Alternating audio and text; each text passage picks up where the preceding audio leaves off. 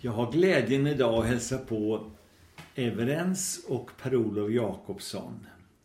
Gamla goda vänner. På 70-talet så var Per-Olof huvudpastor i Pingstkyrkan i Gävle och jag var hans medarbetare. Och eh, vi har varit vänner och förbundna även om vi inte har träffats ofta.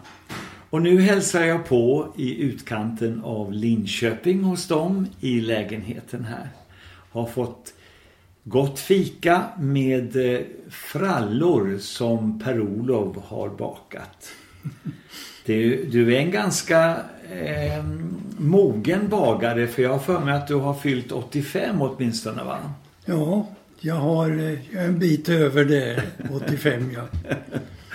ja. Eh, Per-Olof, du har ju arbetat ett långt liv både som missionär i Afrika och eh, som lärare och pastor. Eh, om du tittar på ditt yrkesliv, var du i, som missionär större delen eller mindre delen? Ja, jag har varit missionär ungefär 50-50. Ja. Eh, halva tiden, det är i alla fall över 20 år i Afrika Mm. som jag har arbetat.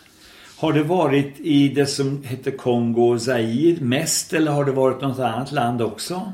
Jag har varit i Kongo Zaire och eh, har jag varit fyra år i eh, Rwanda. Vad var dina huvuduppgifter på missionsfältet? Från början var det skolan.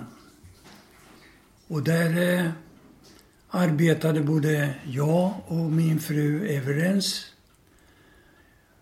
Och eh, det var undervisning på grundskolan, rektorsjobb.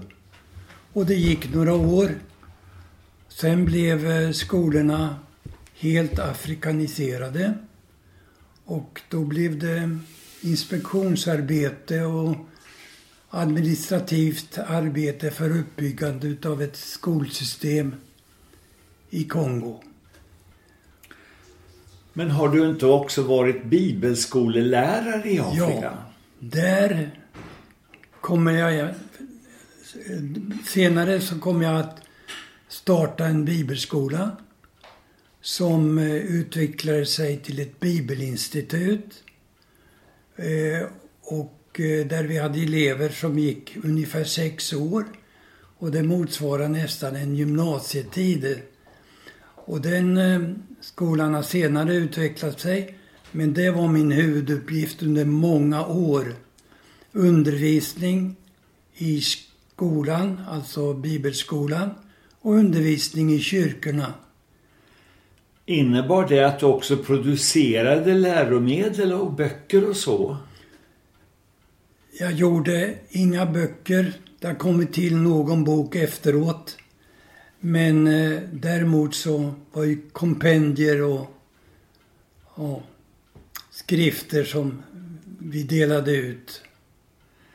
Om vi ser på din andra yrkesdel då när du har varit hemma i Sverige. Har det varit lärarjobb mest eller pastorsjobb eller vad då?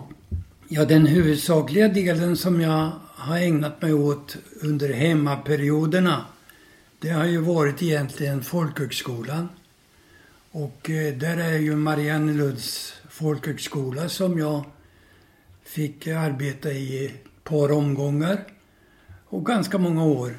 Och likaså i det sammanhanget så fick jag också undervisa eh, på Bjärka-Säby, på bibelskolan där i Bjärka-Säby. Eh, namnet Jakobsson i pingsrörelsen är ju ett missionärsnamn eh, på något vis.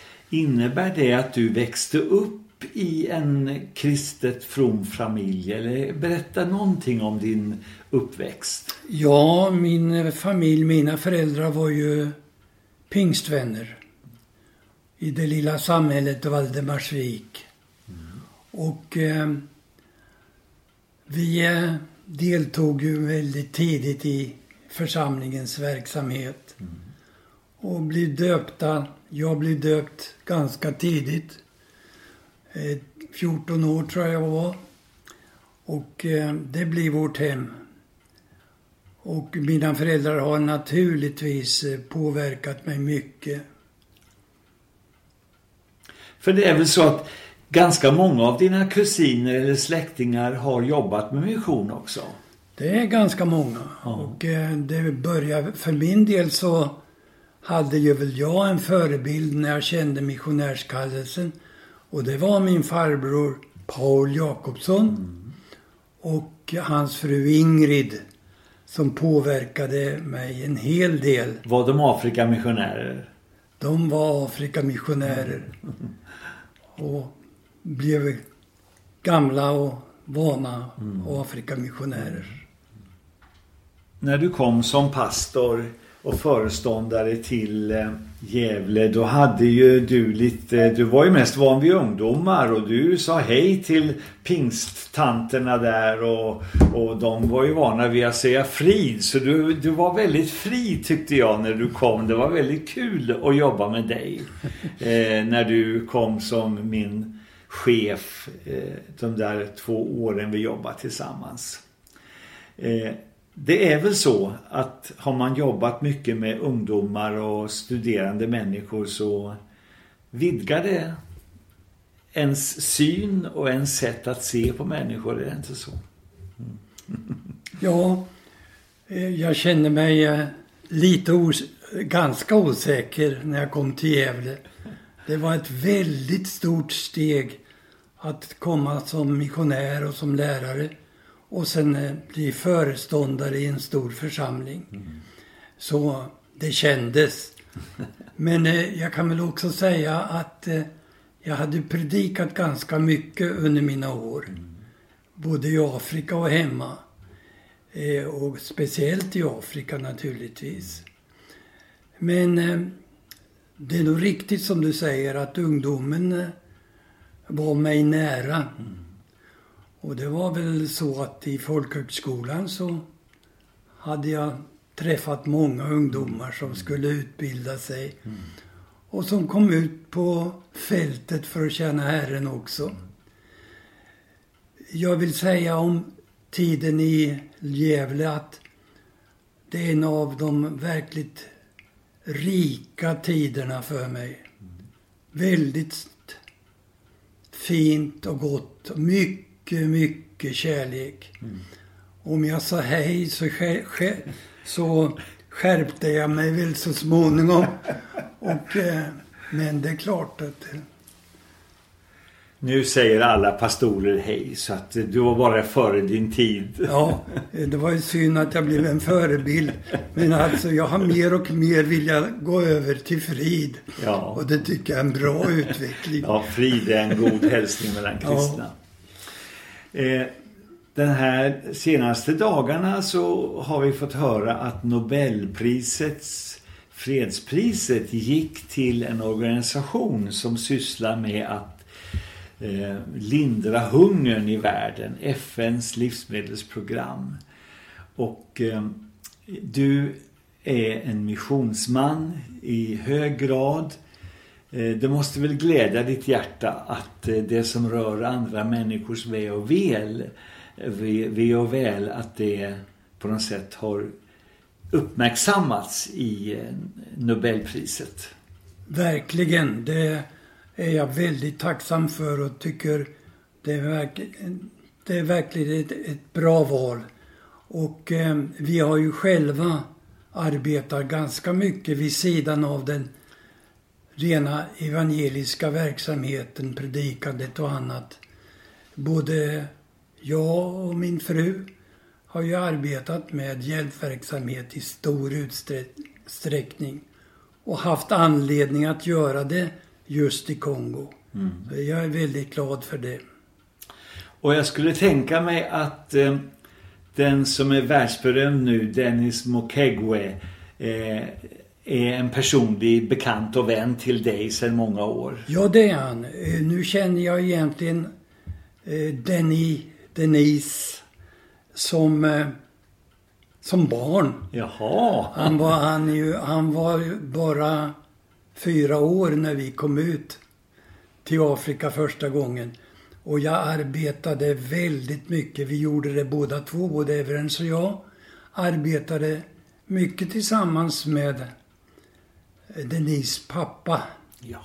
som hette Matayo Mukwege. Och eh, vi hade ett väldigt gott samarbete. Det är en mycket speciell person. Var han pastor eller Han var han läkare? Han var pastor och föreståndare för den stora församlingen i, i eh, Bukavu. Som sen delades den ena gången efter den andra i mindre församlingar som blev stora undan för undan. Och utan några schismer. Så det är rätt fantastisk tid. Eh, så jag var inte så... Jag, var- jag var inte så känd med Dennis som, som ung.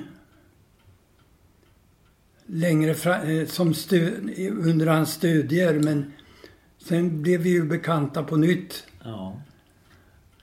Och eh, det var väldigt skönt att läsa också att eh, de hade ju dragit in hans skyddsvakt från eh, FN eller vad det var. Men de har satt in den igen för att han är ju verkligen värd att skydda denne man. Ja, verkligen. Och eh, du förstår att vi, vi följer ju Dennis Mukwege väldigt mycket. Och känner mycket för honom. Och är tacksamma för att Sverige satsar så, på, mycket- så mycket på Panzisjukhuset. Och på den delen av Panzisjukhuset som var Everens arbete. Nämligen bland kvinnorna och, och, och hjälpa kvinnorna på väg. Ja. Du har varit pingstmissionär och eh, pingstvän eh, större delen av livet. Fast just senaste åren här i Linköping så är ni ju med i en EFK-församling vad jag förstår. Berätta lite om församlingen som ni är medlemmar i nu. Ja, vi är medlemmar i Citykyrkan i Linköping. Och orsaken till att det blev den församlingen var när vi flyttade ifrån vårt lilla ställe i Loftahammar, Vi var pensionärer sedan länge och flyttade hit där våra barn fanns.